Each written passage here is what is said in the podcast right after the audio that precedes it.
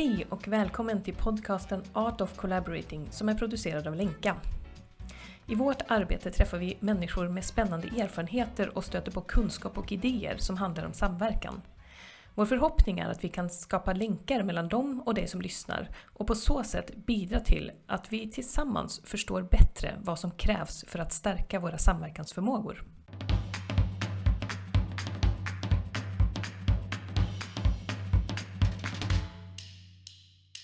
Ja, men varmt välkomna till den här podden, Lena Wilhelmsson och Marianne Dös. Eh, och ni har ju skrivit den här boken då, Dialogkompetens för utveckling av arbetsliv och samhälle. Och vad vi förstår är det här femte upplagan så att, som vi har läst, och ni, den har ju funnits ett tag.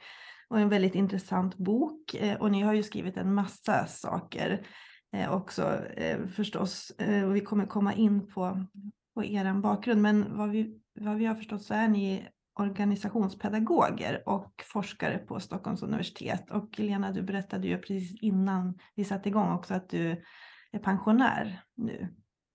Ja. ja men ni är fortfarande skriver en massa saker tillsammans, berättade ni innan vi startade. Ja.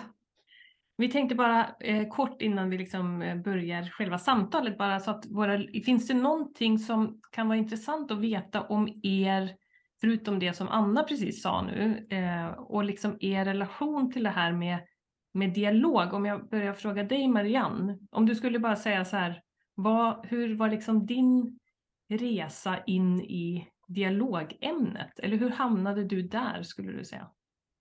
Ja, jag hamnade där tack vare Lena, får jag genast svara då. I och med att Lena eh, skrev sin doktorsavhandling och jag läste en del utkast och manus på det så lärde vi känna varandra. Och Lenas doktorsavhandling handlade ju om lärande i samtal, tror jag den heter. I alla fall, så på den vägen kom jag in, medan jag i, själv, i själva verket själv då har och fortfarande har mer av fokus och intresse på lärprocesser, alltså de, de sakfrågor som finns i lärprocesserna, alltså att man lär i handling och att man lär genom erfarenhet och så. Och sen kom Lena in där då med kunskaper om hur man lär i samtal och sen så gifte vi ihop de där två och skrev den här boken en gång då medan vi fortfarande jobbade på Arbetslivsinstitutet. Mm. Mm. Ja, vad spännande. Och eh, Lena då, hur, hur, såg, hur kom det sig att du skrev en avhandling om dialog eller liksom kom in på det ämnet? Ja, Alltså det låg väl lite i tiden på 90-talet. Jag, skrev, jag gjorde ju min avhandling eh, mellan 94 och 98. Och jag, innan dess hade jag jobbat med eh, utveckling av, eh, eh, av, alltså av administratörer eller kvinnor på kontorsgolvet. Och hade utbildningar med, med dem. Jag var ju själv en sån från början. Och när jag gjorde det så upptäckte jag att eh, när de presenterade vad de hade kommit fram till för sina chefer i slutet på utbildningen så visade det sig att i en del grupper så, eh, så var det som att de inte kunde sluta prata med varandra. Det blev väldigt intensivt och de ville inte gå på rast. Och sen i andra grupper så hände det liksom ingenting. De satt lite lätt tillbakalutade och verkade liksom ointresserade och så. Och då undrade jag, men varför blir det på det här viset? Varför, varför blir det så att vissa griper tag i varandra och blir väldigt intresserade av vad de andra har att säga och andra är likgiltiga? Alltså det, det, det var där det började, så att det började med nyfikenhet. Mm. Och nu när du säger griper tag i så måste, då, då tänker jag på den tiden höll jag på väldigt mycket och sysslade med begreppet tankenätverk. Och jag hade ja. tankar om att tankenätverk har vi allihopa rörande vissa sakfrågor. Och de griper liksom in i varandra, de tankenätverk som finns inom individer. Men då öppnar sig också möjligheten att tänka tankenätverk mellan människor också hakar i och griper in i varandra. Mm. Så det kanske var där någonstans vi hittade en, en, in, ja, en gemensam länk. Mm. Vi gillade att jobba ihop, det hade vi hunnit upptäcka också. Ja, mm. Mm. ja vad intressant.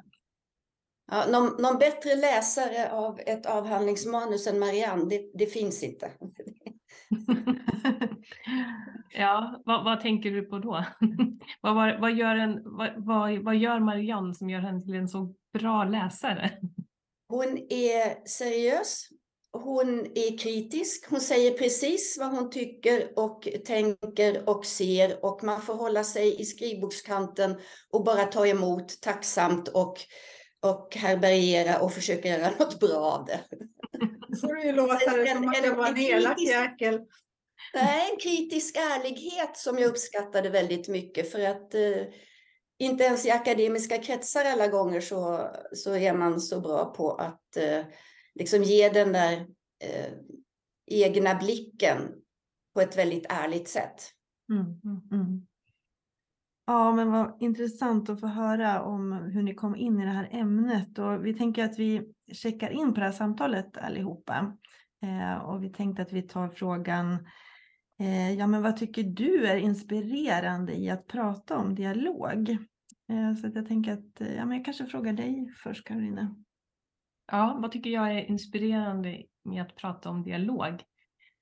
Ja, men, eh, jag tycker redan att det är inspirerande att lyssna på er när ni pratar om eh, hur ni har haft dialog. Och jag tycker att det ja, det inspirerande med dialog för mig är väl att det både på något sätt är något som känns väldigt enkelt eller liksom som vi gör hela tiden men att det också känns som något väldigt eh, som ett stort mysterium. Liksom. Eller jag tänker på det ni var inne på nu också med tankenätverk och hur vad är det som händer liksom när vi har dialoger och hur kan vi förstå det? Jag tänker att man kan se det från så väldigt många olika perspektiv på något sätt och det öppnar upp för någonting. Så jag tycker det och sen tycker jag att det bara är inspirerande att prata om dialog för att det är, ja, det finns så mycket att hämta i det. Så ja, mm. det tycker jag.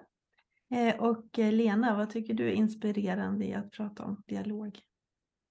Ja, då vill jag ju ha liksom ett litet eh, folkhav framför mig. Och så vill jag få berätta eh, hur man kan tänka om att prata för att kunna förstå någonting bättre tillsammans utan att hamna i konflikt, men att ändå kunna använda olika erfarenheter, olika kunskaper för att tillsammans bli lite klokare än vad man kan bli var och en för sig. Mm. Att, ni är min lilla publik här nu då. Ja. ja. Eh, och Marianne, vad tycker du är inspirerande i att prata om dialog? Ja, det är någonting som jag kanske inte så ofta pratar om längre.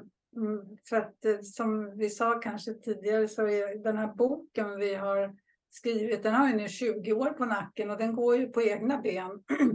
Men jag märker ju ändå inte så sällan att jag själv använder mig av det här dialogkompetensen som jag på något sätt har tillägnat mig själv individuellt genom att vi har jobbat med de här frågorna. Att man blir varse saker som är nyttiga att tänka på. Så att jag har väl kanske mera gått åt att tänka på dialog som en, någonting som, som inte bara handlar om att lära i grupp utan som handlar om att man har de här liksom, eh, kvaliteterna där man liksom både kan dra sig tillbaka i ett samtal och, och hävda sin egen position och att man liksom kan växla mellan de här olika och att det är viktigt att komma ihåg, åtminstone för mig ibland då, att jag ska eh, att, att jag också ska vara tyst. För det är ibland svårt när man tycker att man har mycket att säga. Så att, ja, det är väl lite på det där individuella planet som jag kanske använder det mera nu för tiden. Och sen så reagerar jag ju också på ordet, för det är ju så himla vanligt om det. Jag vet inte hur många gånger på nyheterna i en vecka som man hör att ja, men vi har så god dialog med, säger de, när det är uppenbart att, att allting är upp och ner och ingenting funkar. Och ja, då tycker jag att vi, vi har ett bidrag att ge där angående dialog och att det är liksom något mer än, än, än, bara ett buzzword som man kan slänga ur sig när man menar att man trots allt har någon sorts kommunikation med varandra. Mm. Ungefär där. Mm. Vad tycker du Anna? Eh, ja, det är ju jättemycket. Eh, jag är ju inspirerad att prata med er eh, med er långa erfarenhet och jag tycker den här boken också är en väldigt bra liksom, introduktion kring, kring varför dialogkompetens blir så viktigt och vad det är. Eh, och eh, ja, men jag tänker att, att det är en väldigt hög relevans också i ämnet på något sätt att ja, men i väldigt många samhällsfrågor, i väldigt många frågor, hur kan vi få till den här goda dialogen? Och kanske bli mer medvetna när vi ska vara i debatt eller när vi ska vara i dialog och att det finns en otrolig potential på något sätt i att stärka dialogkompetensen runt omkring. Eh, och sen är det ju förstås intressant utifrån mig själv också. Hur kan jag stärka min dialogkompetens? Så att, eh, ja, jätte, jätterelevant tänker jag och jätteinspirerande ämne.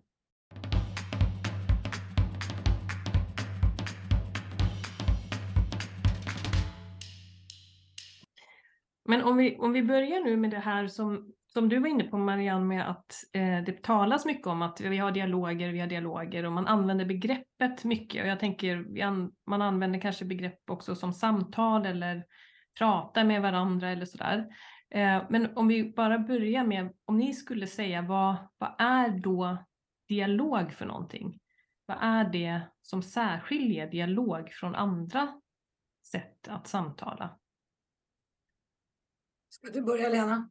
Mm, alltså, som, som vi eh, försöker förklara det i den här boken så, så är ju Alltså dialog är ju då ett sätt att samtala där man avsiktligt försöker hantera eh, den makt som uppstår mellan människor eh, när man eh, är med varandra. Alltså vi, vi, vi eh, placerar oss i hierarkier, vi förhåller oss till varandra. Och att man, man eh, vet om att nu ska vi försöka att vara jämbördiga, nu ska alla lyssna till alla. Nu eh, oavsett vilken position man har eller om man antas ha mer kunskap än någon annan så handlar det här om att låta alla komma till tals ungefär lika mycket. Att alla ska lyssna till alla andra med någon sorts respekt.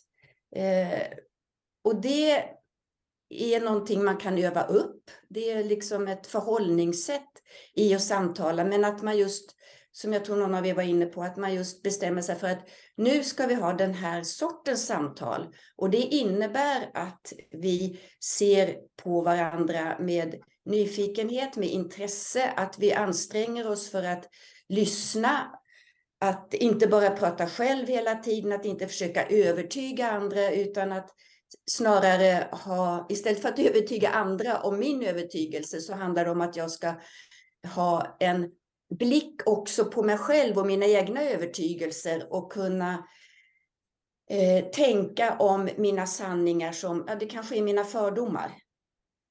Och ha en öppenhet att förändra sina sanningar i någon mån åt något håll när man förstår hur det är att vara någon annan i ett visst sammanhang om någonting visst. Så att det krävs eh, väl kanske mod, öppenhet, kanske trygghet. Så det är ingenting som man kan, kan liksom slänga sig in i hur som helst, var som helst, utan man, man behöver eh, kanske lära sig någonting om det, läsa boken, öva och sen eh, tillsammans med andra pröva hur kan vi nu eh, prata med varandra på ett sätt som gör att vi kan bli lite klokare tillsammans. När jag lyssnar på vad du säger, du lyssnar på vad jag säger, vi tar och ger och vi väver samtalet tillsammans. Mm. Allt eftersom. Mm. Eller hur tänker du Marianne? Ja, jag önskar jag hade sagt dessa ord som du sa, för de var ju väldigt bra. Jag håller helt med dig förstås i det här läget. Eh, och jag tänkte, satt här och tänkte också på att Alltså det är inte meningen att vi ska gå runt med en sorts pekpinne och säga att folk inte får använda ordet dialog som de vill. För i svenska vardagsspråket så är dialog, samtal, konversation, diskussion. De går så nära varandra och då, det får de ju göra. Det är så är ju språket liksom konstruerat och det är så det utvecklas. Men när vi använder det så använder vi ändå i det här boksammanhanget då mera till just för samtal för att lära. För att dra nytta av att vi går in i en grupp för att just ägna som en bubbla av tid, har vi sagt någon gång, för att ägna oss åt att utbyta tankar med varandra och se om vi då kan lära något mer om det som är samtalets innehåll. Mm. Och det här samtalsinnehållet är ju då viktigt att det är relevant för alla människor som deltar i samtalet. Så att det blir ett givande och tagande i samtalet, att man verkligen blir den, får den här nyfikenheten och lyssna på som du beskriver Lena. Mm. Så, så, att eh, ja, någonstans där ligger då vitsen med att arrangera sådana här möten där man lär sig att utveckla sin dialogiska kompetens. Och kompetens är ju i vår mening då någonting som, som innebär att alltså det är just en förmåga, en förmåga att göra någonting. Och eftersom det är en förmåga så är det också någonting som man kan lära sig. Och kompetens handlar om att det är ändamålsenligt för det vi håller på med. Alltså det, det, om vi så att om vi ska liksom utveckla någonting på jobbet, då gäller det att ha kompetens rörande den sakfrågan som alla ska delta i ett, ett samtal om att ja, någon, någonting som ska behöva förändras i våra arbetsrutiner eller så. Om man då samlas för att prata om det, då är det viktigt att alla har ingångar till det där ämnet. Mm. Eh, men också då viktigt att man lär sig och övar upp kompetensen i att samtala med varandra. Och då har vi kallat det för dialogiskt samtal, eller det är egentligen du som har kallat det för dialogiska samtal, Lena. Eller hur? Det... Mm. Ja, kanske det. Och sen har vi särskilt dem lite mera kanske tillsammans från det här med diskussion och debatt. Mm. Debatten är ju det här när man liksom ska vinna över motståndaren väldigt mycket och medan diskussionen då mera handlar om att man använder sakargument för att försöka övertyga varandra och liksom testa var gränserna för en viss fråga går. Eh, medan debatten så har väl ofta inte ens en gång något intresse av att försöka bli överens. Det finns inget sånt, utan det är mer Ja, jag tänker på politiska debatter. Det handlar mer om att slå ner och vinna över en motståndare än att bli klokare ihop. Ja, Inför en publik. ja, det där är intressant. Eh, vi tänkte också bara komma in på det här, liksom varför blir dialogen så viktig för människan? Eh, ni är ju inne på det och ni var ju inne på det nu också, att vi kan liksom förändra våra föreställningar och lära oss. Och finns det något mer att säga om det? Liksom varför, varför den här liksom dialogen och dialogkompetensen blir så viktig för oss som människor? Menar du just nu, i det samhälle vi lever nu, eller hur tänker du? Ja, varför inte? Det är ju jätteintressant, era tankar om det. Alltså, sam... Man brukar ju säga att vårt samhälle är så polariserat. Och, och, även till exempel politiskt, det drar åt höger och vänster och så finns det ingen mitt kvar och, och så. Men eh, det har alltid, alltså jag håller på och, och, och läser, intresserar mig för historia för tillfället och eh, det har alltid funnits eh, polarisering, det har alltid funnits olikheter, olika eh, viljor förstås och, och utifrån olika intressen och så. Men om man är ett så komplext samhälle som vårt har blivit, det, det är svårt att förstå sig på det här samhället vi lever i. Och att då på ett, vad ska man säga, vardagsnära sätt kunna prata med andra människor som har annorlunda erfarenheter eh, av vad det är att vara människa och leva i det här samhället än vad jag har själv. Så kanske man skulle kunna eh, hantera en del av, det, av den eh, misstänksamhet som finns mot andra som är annorlunda mot vad jag är själv. Så att det, är något, det skulle kunna göra någon sorts samhällsnytta, men då behöver man ju arenor, man behöver ju möjligheter att eh, träffa andra. Jag, en av mina döttrar berättade en gång, hon var med i, om det var Röda Korset eller någonting, som organiserade möten mellan invandrarkvinnor och svenska kvinnor. Och det här var rätt länge sedan. Eh, och avsikten var just att man skulle liksom få lite insyn i varandras världar och varandras sätt att leva och tänka om vad som är vad, som, vad det är att vara kvinna i vårt samhälle idag och så. Mm. Och, och där var och en är giltig utifrån sina egna premisser och lyssnas på med eh, just med någon sorts intresse och eh, eh, god vilja.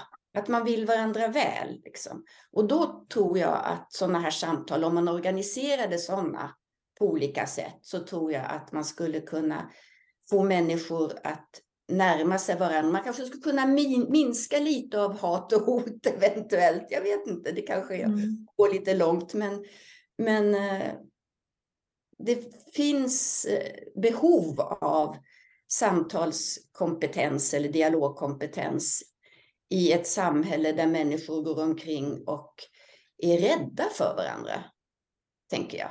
Mm. Vill, vill, du lägga till något där Marianne, varför dialogkompetensen blir viktig för oss som människor, eller dialogen som sådan? Ja, jag tänker vid tillägg då på att um, vi lever i en tid när vi går in och ut ur ganska många olika sammanhang, var och en av oss. Liksom. Men det, arbetslivet har i sina massa olika sammanhang där vi förväntas samarbeta med olika personer och olika, ja, inom forskningsvärlden också. Man ska gärna söka forskningsmedel tillsammans över lärosätesgränser och sådär. Så det, och även privat sen då, det kan vara en föreningsliv eller som inte är så vanligt längre förresten, där förlorar vi ett samtalssammanhang. Men även andra tillfällen som vi då hämtar på förskola och skola, föräldrasamverkan och sådana saker. Där finns det liksom behov av att samtala med varandra och en del av det där tycker jag verkar ha ersätts med att vi skriver textmeddelanden till varandra istället. Och då kanske det blir extra viktigt att fundera över ja, men hur, hur, vad är ett gott samtal då? För att de här dialogerna, det är ändå någon sorts sinnebild för, för goda samtal där vi kan utbyta erfarenheter med varandra. Och det behöver vi ju. Jag, själv är jag ganska för att inte säga mycket, bekymrad i nuläget om klimatfrågan som ju liksom där vi behöver göra en enorm klimatomställning i samhället. Och där, där också den här polariseringen som du pratade om Lena finns. Det liksom, där skulle man ju kunna tänka sig också någon sorts eh, arenor där man försökte föra samtal i i grupperingar som annars bara möts i ilskna samtalstrådar. Mm. Eh, så det, ja, mm. det finns möjligheter att använda den här sortens samtal i, och också viktiga möjligheter. Och sen finns det alla små möjligheter som är mer vardagsrelaterade också. De är ja. inte olika de heller. Ja, vi har ju som människor liksom alla de här sammanhangen där vi behöver liksom utbyta tankar med andra och komma framåt i frågor. Och vi är ju också i en rad samhällsfrågor där vi ser liksom att ja, men olika perspektiv och organisationer och kunskapsområden behöver liksom mötas, bland annat i klimatfrågan som ju är mm. en oerhört stor fråga. Men just det där också, hur kan man då mötas och mm. samtala? Det är något som vi tycker är jätteintressant. För ibland är det ju, man har alla perspektiv i rummet, men man kanske har monologer eller man informerar varandra. Eh, men hur kan vi få till de där liksom goda dialogerna där vi kommer framåt också i frågeställningar? Hur jobbar ni med det? Mm. Det är nyfiken på. Ja, vi jobbar ju med det på väldigt många olika sätt, men eh, dels att verkligen ja, men designa de här arenorna och mötena på ett sätt som gör att alla kommer till tal så att man vi tänker igenom frågor väldigt noga och att vi får till liksom en, en reflektion Väldigt mycket också mm. dela upp i talar och lyssnarpositioner brukar vi prata om. Mm. Eller, och liksom, så det är ju ofta, vi är ofta i sammanhang där det är de här komplexa frågorna som, som samlar många aktörer, liksom, många sakfrågor som har väldigt olika begreppsvärldar, olika språk. Så där, där blir det väldigt påtagligt att, att, ähm, att det finns ett värde att rigga för bra dialoger. Liksom. Och det är väl det som jag tänkte nu när vi pratar om det här med varför är dialogen viktig? För jag, jag kan tycka ibland att det, de här initiativen då, eftersom vi inte har de här kanske samlingsplatserna längre, det var någon som sa det här om dagen att vi har inga torg längre på det sättet, där vi möts liksom i, i samhället bara och pratar med varandra. Utan det är väldigt uppdelat och eh, men, men då kan jag själv ibland tänka så här att ja, vi borde ha mer samtal och dialog. Och sen tycker jag att det ibland kan vara svårt just att, vad ska man säga, stå upp för det också. Alltså för att det är så mycket, alltså det är så lätt att tänka, ja men vad, så, men vad ska vi ha det till liksom?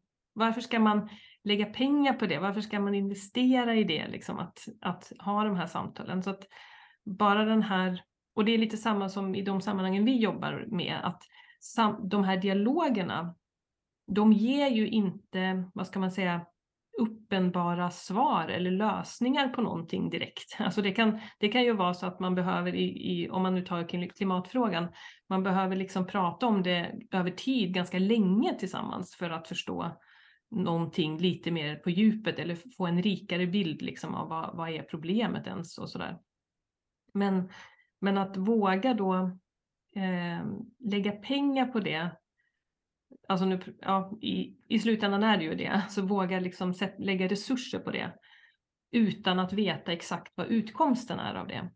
Det, det, ja, det tänkte jag bara på nu när vi pratar om varför är dialogen viktig? Att det blir, det blir så viktigt att, att argumentera också för varför dialogen är viktig. Förstår ni vad jag mm. pratar om? Eller försöker säga? Ja, det tror jag. Det var inte så obegripligt inte. Det, det, jag, det slog mig en väldigt enkel tanke. Det, det, visar sig att dialogen är viktig eftersom den här boken fortsätter att leva. Jag tänker att den är som ett livstecken på att dialog tydligen säger någonting till mm. människor i samhället. Mm. Mm. Och det är ju bra. Ja, tycker vi som har jobbat med ja, ja.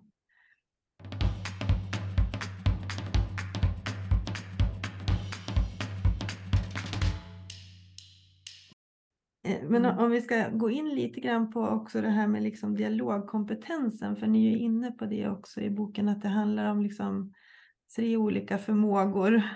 Eh, att, ehm, förmågan att tala och förmågan att lyssna och också förhålla sig själv till andras perspektiv. Ska vi gå in lite grann på det? Det är ju lite spännande för det skapar ju också lite självreflektion på något sätt. Ja, eh, alltså det är ju, i ett samtal så är det ju, det basala är ju prata och lyssna.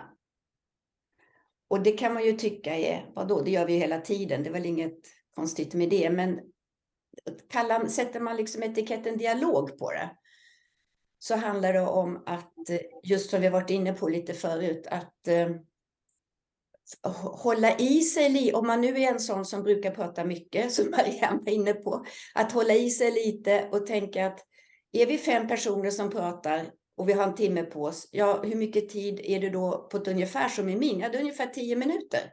Resten så ska jag lyssna in de andra. Så att för dem, allas, det är ju det att allas röster behövs för att det ska bli en dialog. Annars blir det monolog.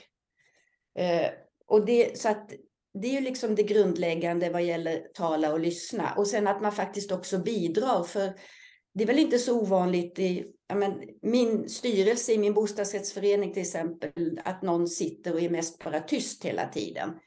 Det funkar inte heller riktigt, utan man måste, få bi, man måste bidra, man måste visa, här finns jag, det här är min ingång, det här är min förståelse. Så att man, man ger det som ett bidrag in i samtalet till de andra. Så att, att tala och att lyssna behöver man förhålla sig till hur man, hur man gör det. Det är inte bara att prata på liksom.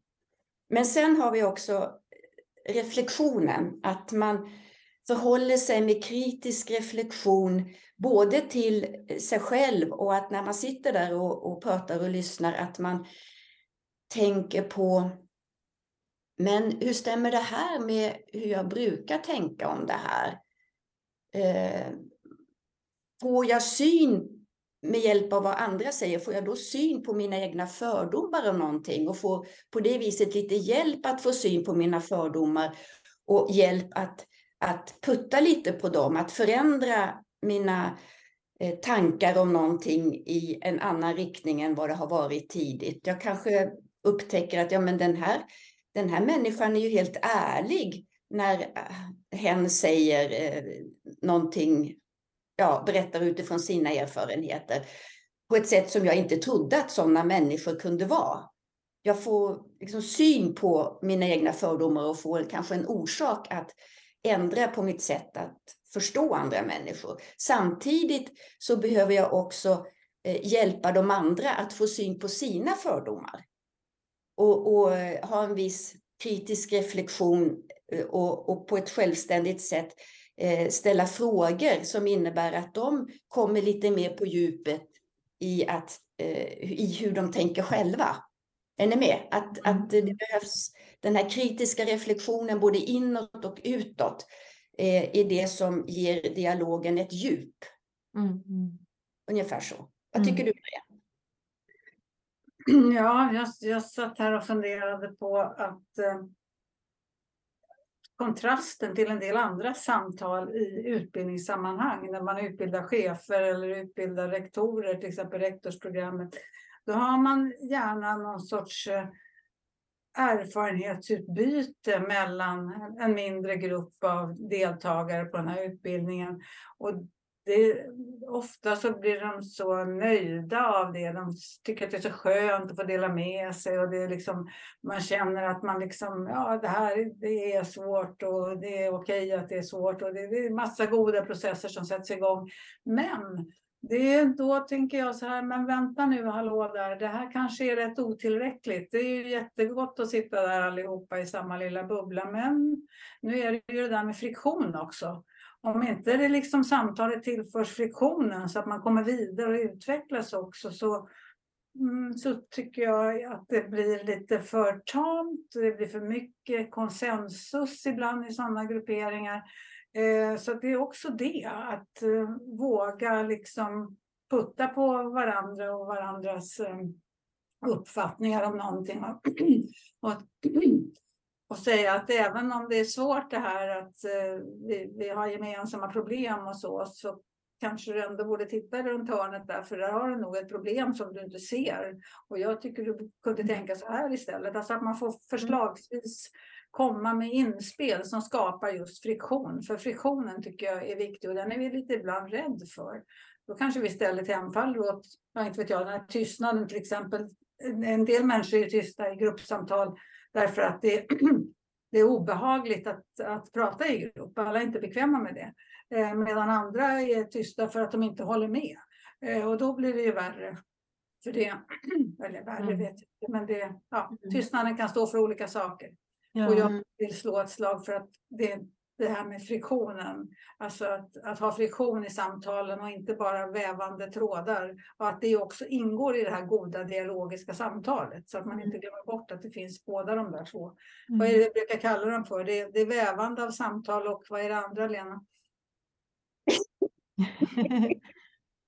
ni, ni nämner ju det här med Alltså- integrering och differentiering också. Det var ju bra begrepp. Ja, men det är inte riktigt det, utan alltså det är den här... Väva samtal och skapa friktion var det jag var ute efter. Det kan Mm. du slippa fundera på. Ja, Ja.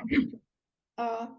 Alltså det, när, det, det, när det knyter sig så att man, till exempel om man har eh, överordnad och underordnad i ett samtal och de är så vana att förhålla sig som överordnad och underordnad, då är det lätt, då, då, då måste man liksom komma ut ur de vanorna och det är svårt.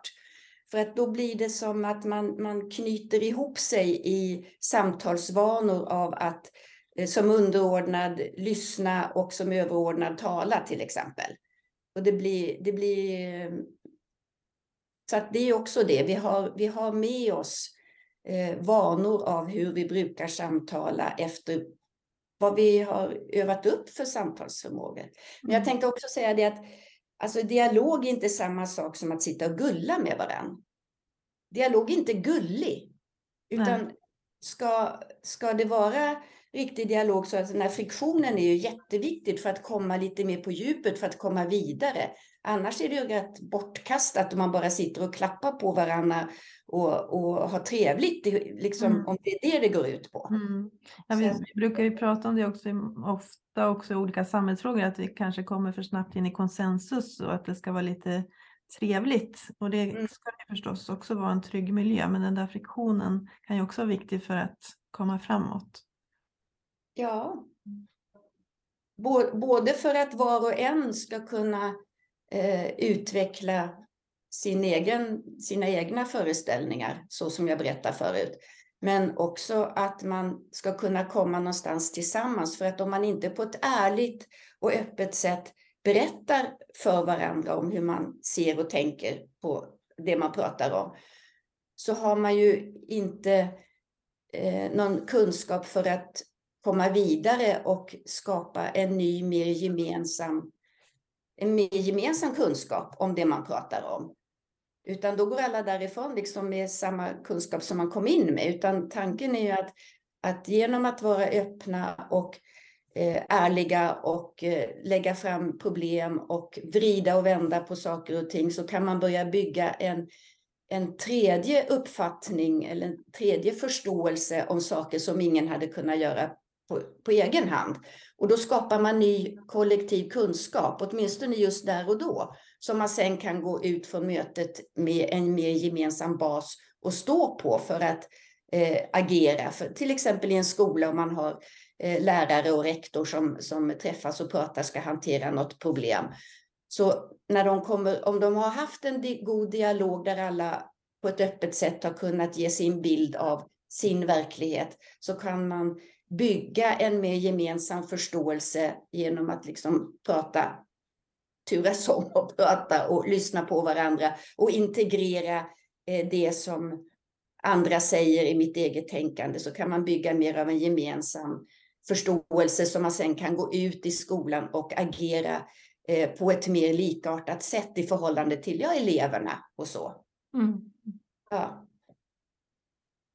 Och det, på det sättet skulle man kunna säga att, att, att öva upp sin dialogkompetens, det, det är en sorts eh, basförmåga i problemlösning skulle man kunna säga. För har man väl lärt sig det, det dialogiska förhållningssättet i samtal så kan man ju använda det i väldigt många olika sakfrågor. Som till exempel det här med lärare och mm problematisk lärare, rektor, någonting som händer i skolan, någon krissituation som har uppstått. Så att, liksom, att man, för ibland kan man ju arrangera särskilda möten för dialog och för att man ska antingen lära sig att samtala dialogiskt, det är ju, då är ju samtalsämnet dialog också, eller för att man ska bli klokare på någon viss sakfråga inom arbetsliv eller samhälle.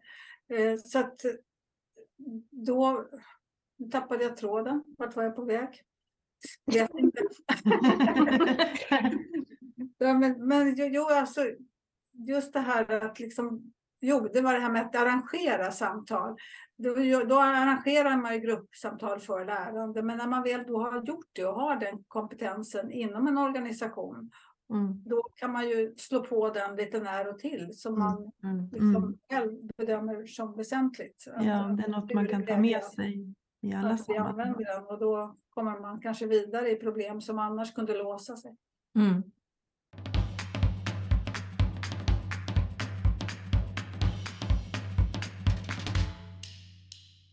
Du lyssnar på podcasten Art of Collaborating och vi hoppas att du tycker att det är intressant.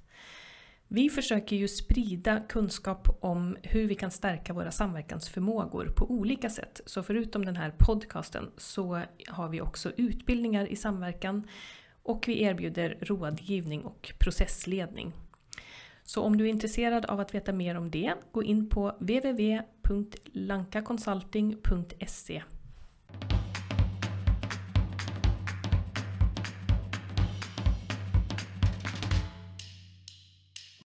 Vi, jag tänker att eh, tiden går här mm. och vi brukar göra, innan vi liksom avrundar så tar vi bara en eh, timeout som vi kallar det för och bara frågar alla, är det något mer vi ska hinna med att prata om innan vi avslutar det här samtalet?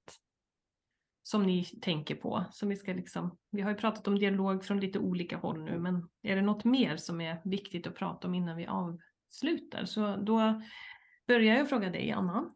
Är det något som du tycker skulle vara bra att prata, hinna prata om? Ja, men det här skulle vi kunna prata om hur länge som helst, tänker jag. Ehm, men eh, jag tycker det var intressant också i er, er bok det här med mäns och kvinnors samtalsstilar.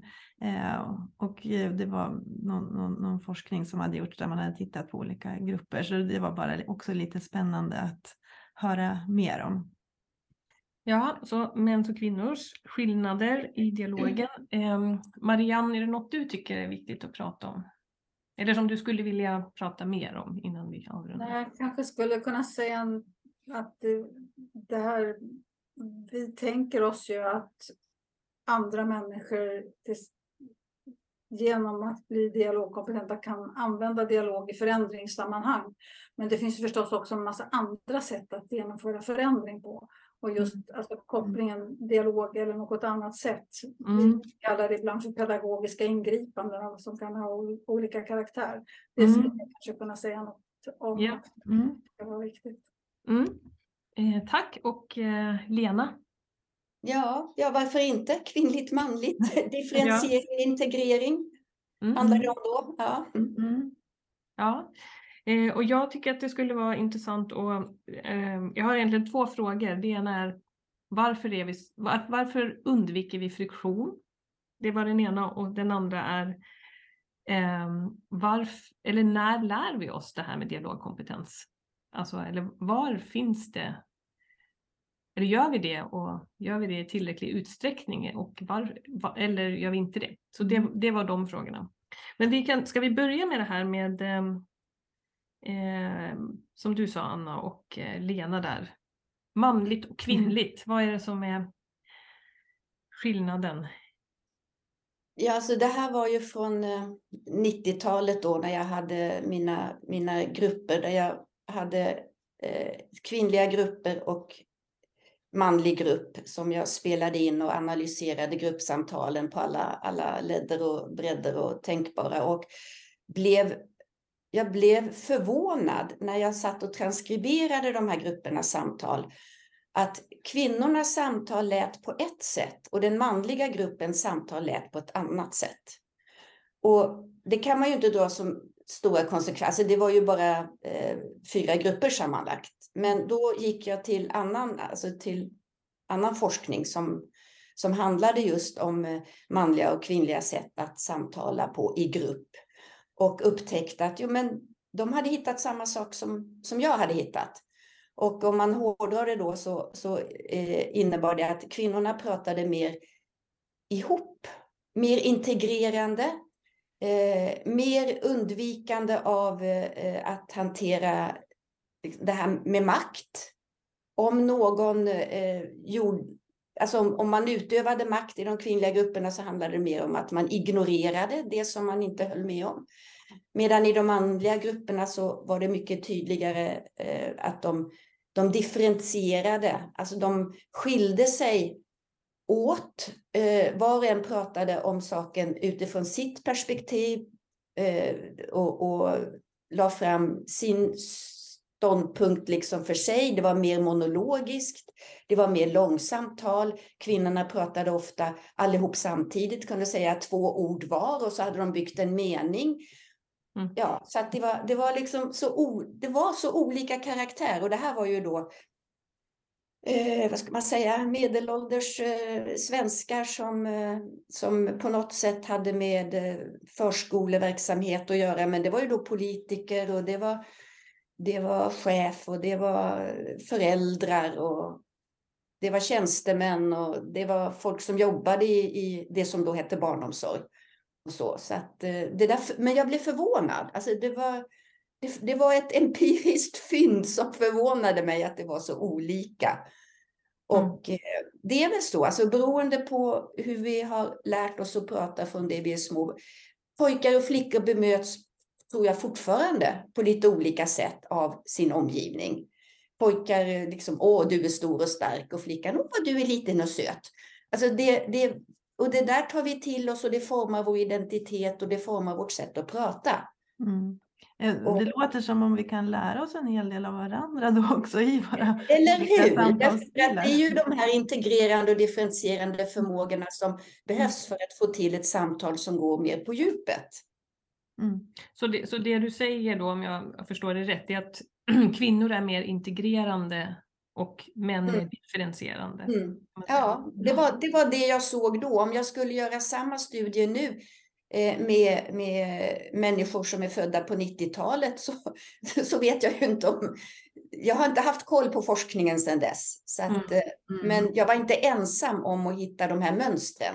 Mm. Och sen, sen är det ju alltså, så att en man som jobbar i en kvinnodominerad miljö blir ju intränad i det kvinnliga sättet att prata Mm. eh, och att undvika konflikter och så. Medan en kvinna som är, är mer, jobbar i en mer manlig do, miljö blir ju liksom invand i det sättet att förhålla sig. Så att det, det har liksom inte med något biologiskt kön att göra, tänker jag, utan det är ett socialt kön och därmed så kan vi också hantera det, vi kan, vi kan få syn på det, vi kan eh, avsiktligt öva på någonting annat om vi nu vill utveckla flera, flera sätt att kunna prata på. Mm. Mm. Mm.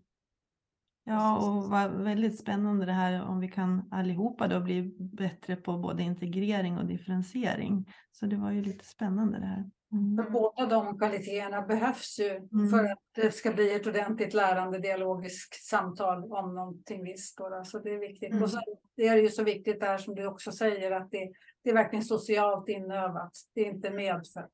Det är Mm. inte man, män och kvinnor utan Mm. det är liksom det, det senare forskning som eh, vi har tagit del av nu talar om genusprägling till exempel. Mm. Och det är ju då ett begrepp som visar att vi, vi präglas till olika ja, sociala tillhörigheter genom vårt liv beroende på hur vi har bemötts ända sedan barnsben och i skola och arbetsliv. Mm. Det, det finns ju där och det, det är bra att båda har viktiga bidrag att komma med. Ja. Och därmed är det förändringsbart. Exakt. det. Det, är ju, Ja. det, går ju, det går ju att, att utvecklas som människa ända tills man dör. Mm. Ja, Och precis. det är ju skönt att tänka så. Men det kräver ju det där att kunna, som ni pratar om, förhålla sig till det och, och liksom Mm. se lite utifrån. Vad, vad har jag nu? Vad gör jag just nu kanske? Jag bara sitter och pratar i munnen på de andra. och eh, liksom, och, eller integrerar eller sådär. Och, ja. Så det är ju bra att skapa en medvetenhet kring det tänker jag. Man kan behöva prata om pratet, alltså meta, meta prat. In, om man bestämmer sig för att nu ska vi ha dialog på den här arbetsplatsen eller i den här arbetsgruppen, ja vad innebär då det? Mm. Precis. Mm. Men om vi kommer in på det här som du var inne på eh, Marianne, det här med dialog och andra. Om jag förstod det rätt så var det något med att vi kan, alltså dialog, eh, det finns dialogbaserade sätt att eh, leda förändring. Men det finns också andra sätt. Var det något sånt du... Ja, jag tänkte på själva grunden för när vi tänker att vi ska förändra någonting i då en organisation på en arbetsplats. Och då har ju jag med mig en bakgrund som jag inte tror att jag har nämnt, men jag var ju under tio år eller så olycksfallsforskare. Risk och olycksfallsforskare i industrin. Eh, och eh, från den tiden så tog jag ju del av mycket försök till att få människor att göra på olika sätt genom att säga till dem, ge information, upplysa om hur man skulle arbeta säkert, alla möjliga sådana här saker som inte på något sätt var viktiga, men som också var alldeles otillräckliga. Och då tänkte vi i, inom pedagogiken, organisationspedagogiken då, kring begreppet pedagogiska ingripanden och att de kan ta att man kan tänka att de tar olika vägar. Eh, om vi tar det här exemplet med olycksfall och så tänker vi oss att vi har ett, eh, det har grävts ett hål i trottoaren eller något sånt. Om jag då ska liksom stå och tala om för människor som kommer dit en kvart senare att det kommer att komma ett hål i trottoaren lite senare så vakta dig för det, ramla inte ner. Då är inte det något särskilt effektivt sätt utan då handlar det ju mer om istället att sätta upp ett staket, ett stängsel att man inte kan. Och då kan man använda det där tänkandet överfört till andra mera ja, liksom arbetsplatsrelaterade sammanhang. Och, och då också inse samtalets begränsning på något sätt. Mm. Kan man behöver man åstadkomma en viktig förändring och det finns andra sätt så Mm. kanske de ibland är bättre. Eh, eller i alla fall riktade mera framåt. För det är ju inte säkert att bara för att man förändrar sina föreställningar och tankar om något att man sen också kan en, förändra sitt görande. Och Nej, att det- om det väl- görandet ska förändras då behöver man kanske tvingas att ta en omväg, sätta upp ett staket så att du får gå en annan väg och träffa nya människor och få nya erfarenheter eller någonting annat. Så. Ja. Men det är roligt att du säger det för att vi hade ett samtal här på morgonen för att jag var så irriterad över bussen. Jag åker med en buss varje morgon och, den, och då har det blivit så på sistone att de bussarna kommer liksom i man står och väntar i 20 minuter och sen kommer det tre bussar på raken. Och, så, och det, är liksom, det har varit ett problem, jag vet inte hur länge nu. Och jag vet att, och, och då pratade vi lite om det i morse, så där. hur mycket kan man liksom Vissa saker måste man ju ändå bara liksom lösa, för det är lite så vi tänker oss att då kan det lätt bli så där, ja men då ska vi ha lite samverkan här eller lite dialoger för att lösa det här. problemet. För vi förstår inte riktigt vad det är eller sådär. Men att det liksom, ibland är det inte det det handlar om. Ibland är det också att faktiskt någon måste bara bestämma någonting eller liksom. Så det Precis, var... att det var lite, är frågan ganska enkel eller är den lite mer komplicerad eller komplex och vad, vad ja. ger då dialogen oss liksom i det? Precis, man behöver naturligtvis fundera över när är det relevant och mm. tro att del av en lösning på någonting ska vara ett dialogiskt gruppsamtal. Det är ibland, men det är långt ifrån alltid. Mm. Nej, mm. precis. Nej, och det är viktigt att komma ihåg också. Eh, Okej, okay, men då, eh, men det här med, eh, ja, jag hade ju två frågor. Men det var två spännande stora ja, okay. frågor. Ja, det, ja, men den, ja, mm. jag vet inte om, men den här med friktionen, för jag tänkte vi mm. pratade om det lite sådär att vi undviker, vi kan undvika friktion, men det är också en viktig del av samtalet. varför tror ni att vi undviker friktion då?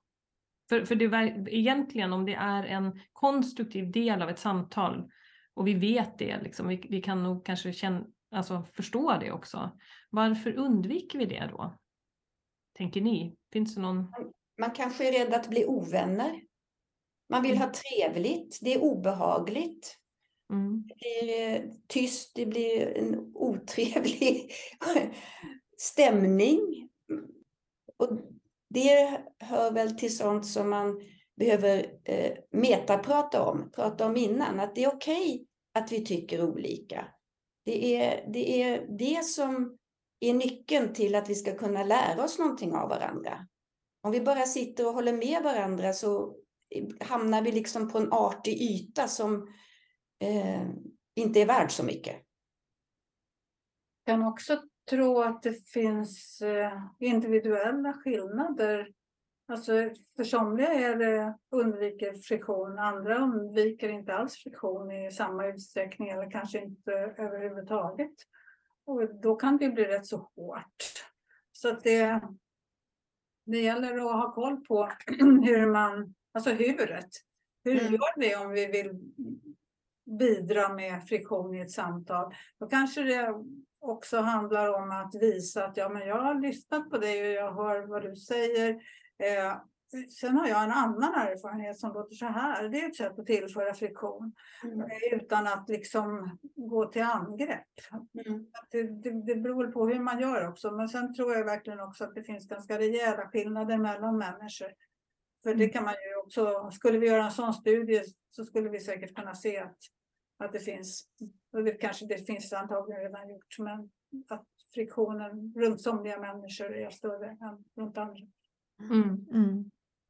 Ja, men, men det är väl också kanske någonting då att ta med sig, att faktiskt kunna prata om också. Hur, hur ser vi till att vi får in friktion i våra samtal också? Eller, och hur ska vi göra det på ett sätt som, är, som inte behöver bli så otrevligt egentligen? Alltså att vi kan faktiskt säga det på olika sätt. Mm. Um, men ehm, ja, och sen sista frågan jag hade här då, det var ju det här med när, när lär vi oss det här med dialogkompetens? Eller jag har väl själv en hypotes om att vi, vi lär oss inte det så väldigt mycket. Alltså, eh, ja men det är väl vår mm. erfarenhet mm. eller upplevelse. Lite, ja, det vi har tänkt på är också yrkesgrupper som egentligen kanske skulle behöva eh, den här kompetensen. Man möter väldigt många olika perspektiv och man är ute i olika sammanhang där man skulle gynnas av att få till bra dialoger, att det finns inte med på liksom universitetsutbildningar och sådär. Vad, vad är er erfarenhet eller vad får ni för tankar när vi säger så? Jag har haft sån kurs på universitetet.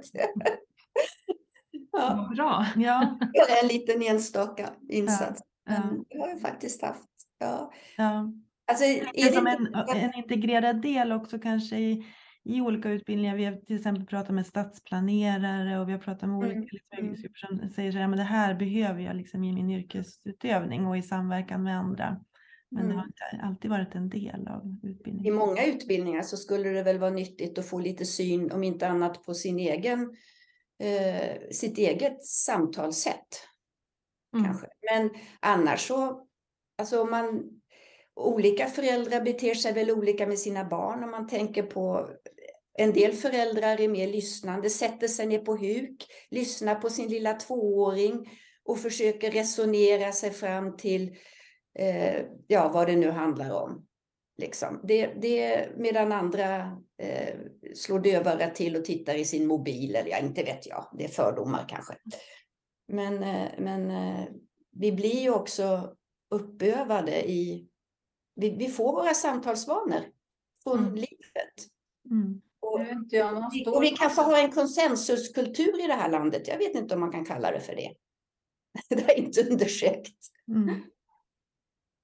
Eh, jag tänkte på, nu, jag, konsumerar inte media i någon större utsträckning, men jag tycker ändå att när jag, en del av det jag då ser på olika program, samhällsprogram och sådär, så är det antingen är det någon som berättar mera monologiskt eller som får frågor och får utveckla sina tankar utifrån det. Eller så är det de här mera debattinriktade inslagen där nyheterna på SVT numera ofta ställer upp en förespråkare för ena och en förespråkare för, för andra sidan. Liksom. Det är som att man tror att det blir objektivitet av det. Och det vet jag inte eh, om jag skulle hålla med om, men det var inte det jag skulle säga. Utan det, som, det, det är de här förebilderna.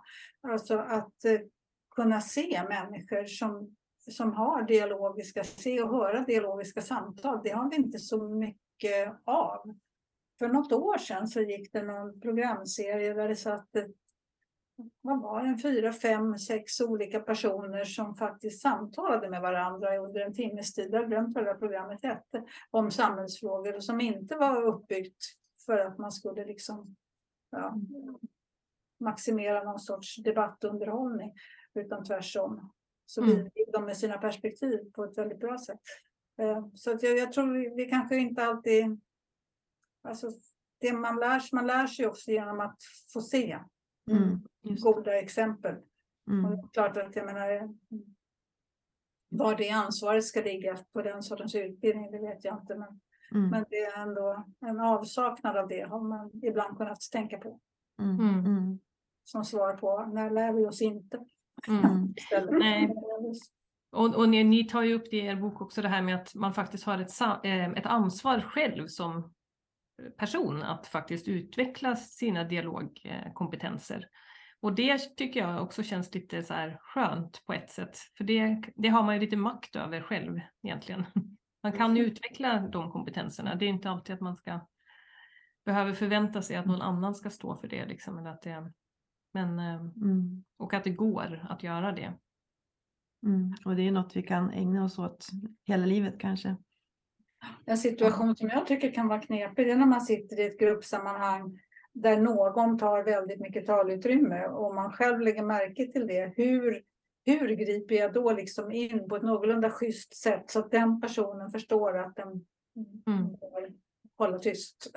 Det vill säga bör ge andra utrymme. Mm. Alltså det, det är inte alltid så enkelt. Det är klart det finns alltid lösningar. Så vad säger ni andra? Eller sådana där frågor. Men, men om inte personen själv har liksom drabbats av insikten att den nog har tagit för mycket utrymme så, så kommer den snart tillbaka.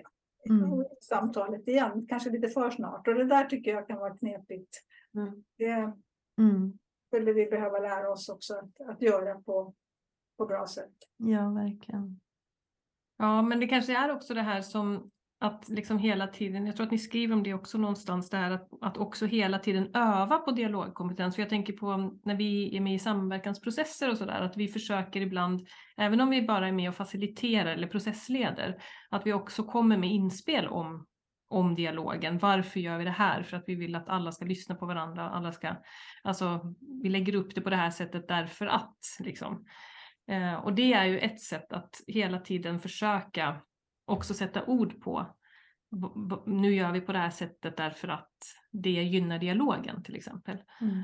Eh, Så det kanske också är viktigt att, som ni var inne på det här med metasamtalet om samtalet, att försöka väva in det liksom i fler samtal. Eh, Bara för att stärka medvetenheten. Det hade ju varit kul om de hade sagt så på, på tv med de här politikerdebatterna. Liksom. Nu lägger vi upp det här samtalet som en debatt Mm. där vi inte är intresserade av att komma vidare i frågan utan vi, det handlar om att bara vinna över varandra. Mm. Och det är det vi gör. Så därför gör vi det på det här sättet. Ja, så att man inte tror att det är den enda formen för samtal.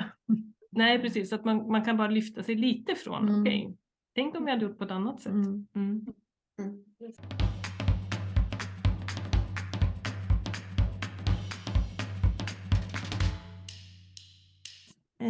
frågan är om vi ska börja checka ut nu. Eh, vi checkade ju in med frågan vad inspirerar oss i att prata om dialog? Kanske tar en sån fråga igen. Vad tyckte vi var inspirerande med det här samtalet om dialog? Så att eh, Marianne, vad tyckte du var inspirerande med det här samtalet? Ja, det var helt enkelt roligt att göra.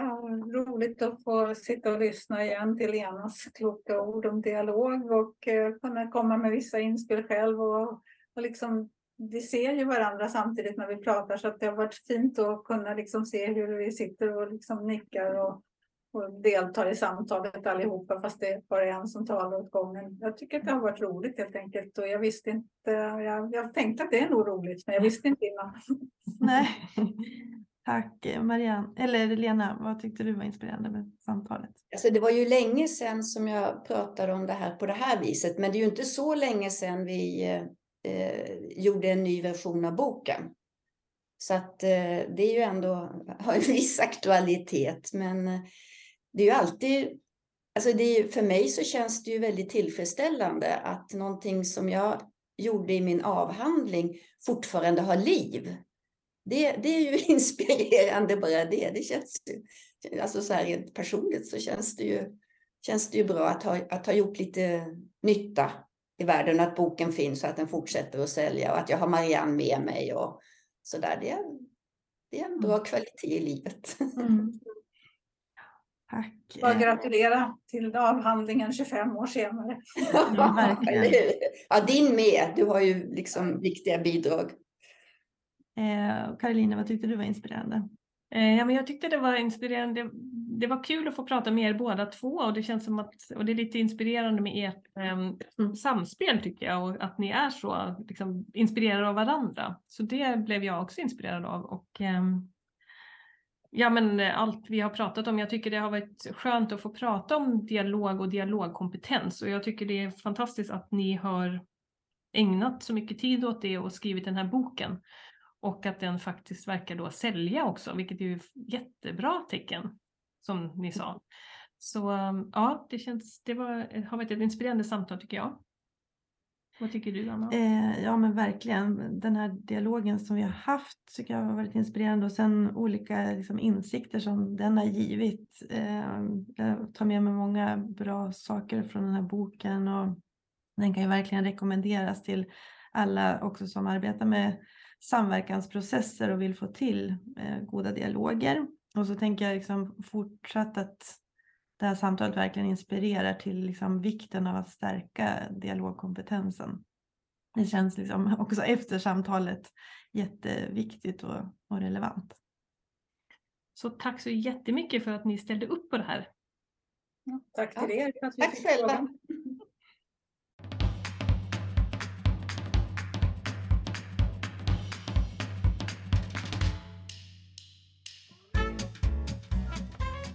Tack för att du har lyssnat på vår podd.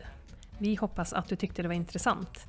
Om du är nyfiken på att veta mer om vad vi gör på Länka så kan du gå in på www.lankaconsulting.se och läsa mer om våra utbildningar, tjänster och publikationer.